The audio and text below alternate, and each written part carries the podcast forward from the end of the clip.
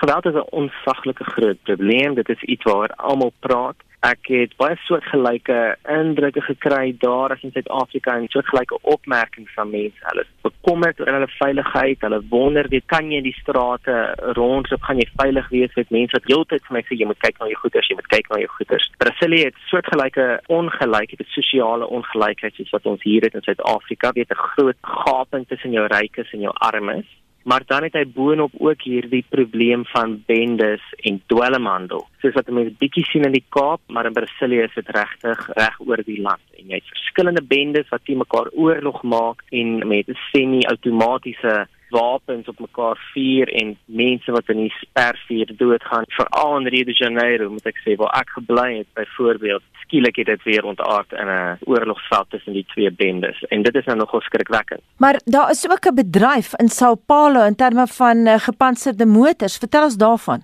Ja, dit is nog 'n interessante verskynsel. Brasilië is die wêreld se grootste produsent van gepantserde motorvoertuie vir jou verbruiker dit is ek dink deels te wyte aan die feit dat daar soveel mense is wat dit kan bekostig. Dis bykans 200 000 rand die koste van 'n nuwe voertuig. So mense betaal dan maatskappye wat bestaan en wat jou motor dan koel cool bestand maak. Weet hulle sit jou Teflon goedjies oral in, hulle sit vir jou dik vensters in.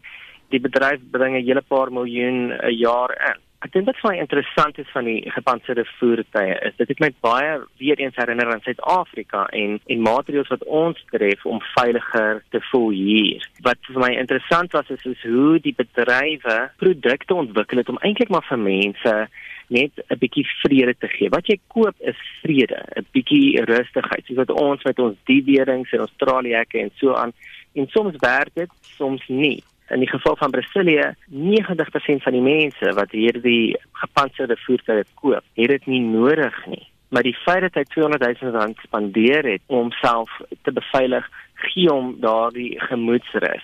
En dit is my interessant hoe die mark daarvan gebruik maak om 'n wins te maak, jy weet.